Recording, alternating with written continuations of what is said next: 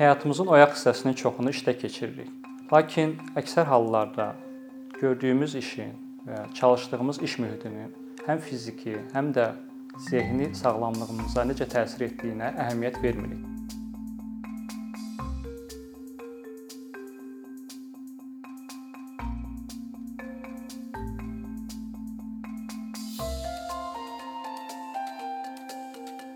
Qeyri-sağlam iş mühiti insanlar üçün stress yaradan ən vacib amillərdən biridir. Bunları nəzərə alaraq hər bir işə götürən çalışmalıdır ki, işçilərin üçün sağlam iş mühiti yaratsın, işçilərinin həm fiziki, həm də zehni, mental olaraq sağlam qalması üçün əlindən gələni etməlidir. Bunun üçün ən vacib amillərdən biri iş yerlərində açıq ünsiyyəti təşviq edən iş mühitinin yaradılmasıdır.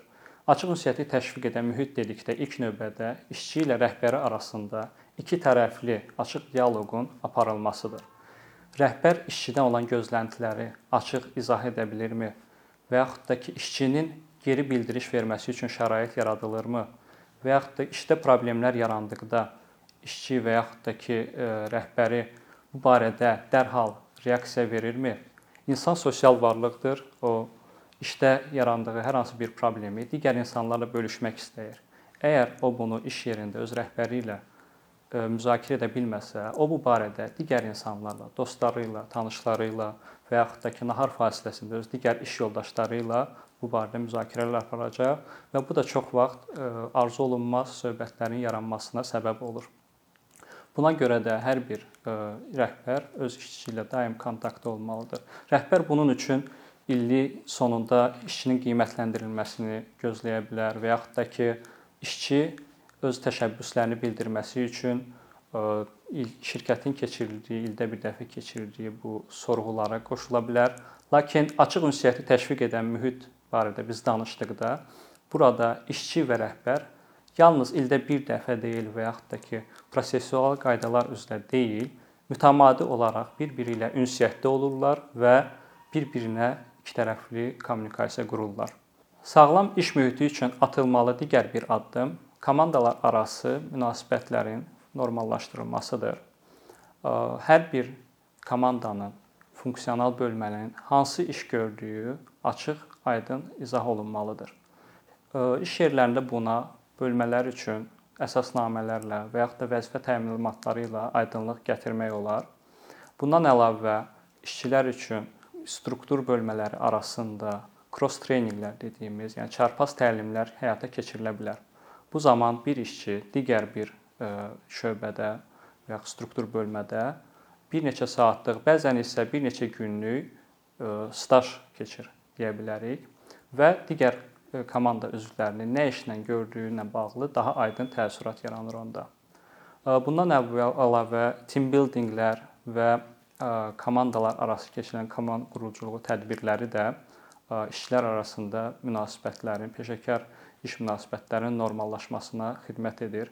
Bu team buildinglər bir komanda daxilində və yaxud da ki, komandalar arası və yaxud da ki, bütün şirkət əməkdaşlarını əhatə edə bilər. Yəni bir dəfə bir komandanızı toplayıb bir zirvə yürüşünə gedin və həmin yürüşdən sonra həmin tədbirə qoşulmuş işçilər arasında işə geri döndükdə, yəni peşəkar münasibətlərində hansı şəkildə yaxşılaşdığının şahidi olacaqsınız. İşə götürən çalışmalıdır ki, maksimum stressiz və ürəkaçan iş mühiti formalaşdırsın. İşçi onsuz da işə gələnə kimi kifayət qədər gərgin proseslərdən keçir. İstər bu şəhərin tıxacı olsun, səs-küyü olsun və yaxud da ictimai nəqliyyatdakı sıxlıq olsun.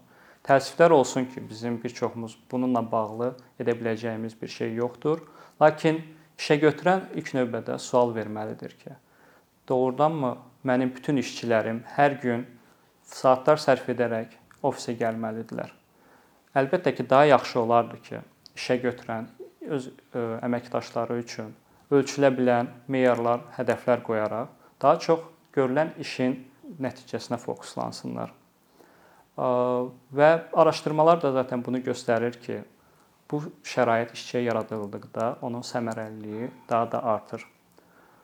Bundan başqa bu mümkün olmadıqda belə ən azından biz işin, ofisin mühitini elə təşkil edə bilərik ki, daha ürəkaçan bir ofisimiz olsun. Bu ofisdə yaşıllıqların olmasından, ergonomika qaydalarına riayət olunmasından və yaxud da ki, ofisdə istirahət güşəsinin yaradılması ilə buna nail ola bilərik. Sağlam iş mühitinin yaradılması üçün vacib bir addımlardan biri də işçilər arasında sağlam həyat tərzinin təbliği ola bilər. Sağlam həyat tərzinin təbliği dedikdə ilk növbədə işə götürənin funksiyası burada işçi üçün həm iş, həm də şəxsi həyatı üçün vaxt ayırmasına, balans yaratmasına yardımçı olmasıdır. Bunu da ilk növbədə təbii ki, işçilərə verilən məzuniyyət hüququndan tam istifadə etməsi üçün şəraitin yaradılmasıdır. Qanunvericilik də onsuz da bunu təbliğ edir ki, işçi ən azı il ərzində bir 14 günlük məzuniyyət götürməlidir.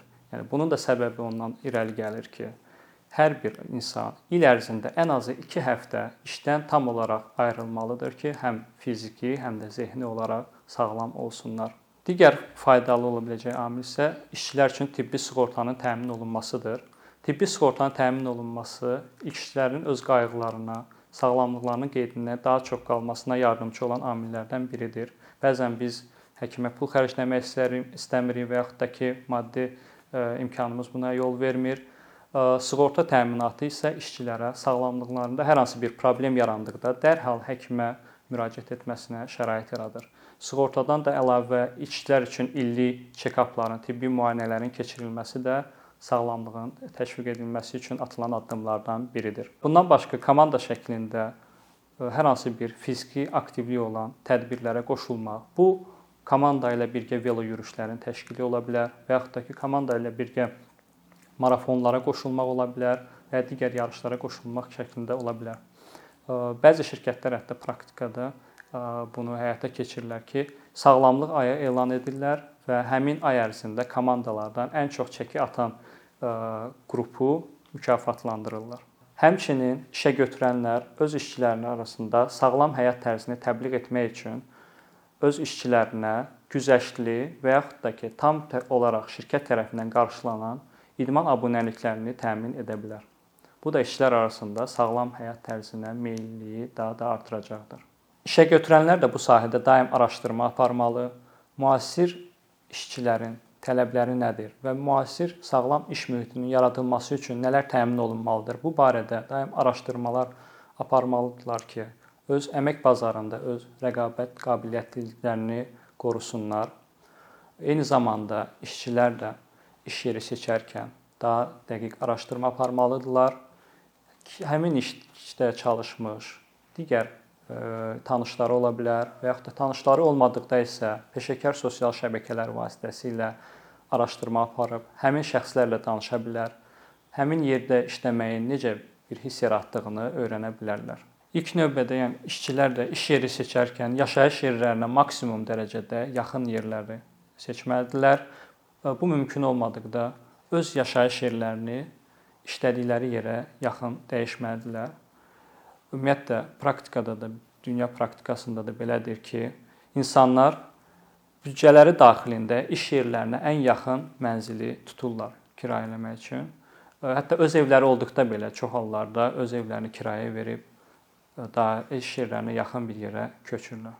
Əsas amillərdən biri kommunikasiyadan əlavə, yəni işçi ilə rəhbərin arasında olan münasibətlər çox önəmli əhəmiyyət kəsb edir.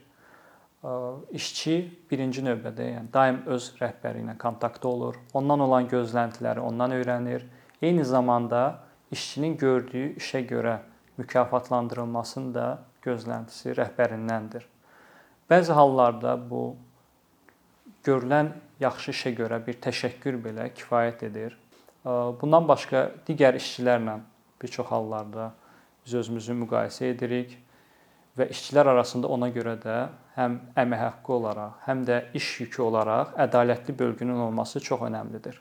İşçilər bəzən görəndə ki, məsələn, bu daim qalır işləyir, bəzən olur ki, əlavə saatlarda qalıb işləməli olur, lakin digər oxşar bir işi görən həmkarı ilə müqayisədə bəzən olur ki, daha çox iş yükləndiyini şahidi olur və bu ədalətsiz bölgü həmin işçini ruhdan salır və onun performansına təsir edir. Bəzən işçiləri demotivasiya edən və işdən soyudan amillərdən biri də onun gördüyü işin cəmiyyət üçün və yaxud da ki, şirkətin fəaliyyətində hansı rol aldığı aydın olmur.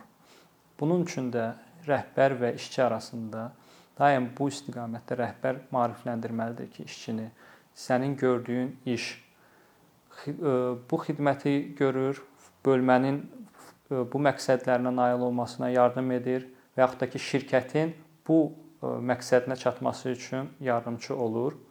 Ona görə də işçinin gördüyü işin həm şirkət üçün və yaxud da ki, daha yaxşı olar ki, təbii ki, cəmiyyət üçün verdiyi fayda nədir?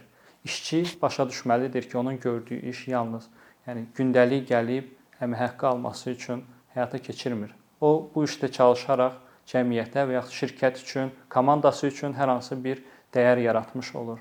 Bundan başqa işçi iş yerini seçərkən şirkətin dəyərlərinə də önəm verməlidir. Yəni araşdırmalıdır.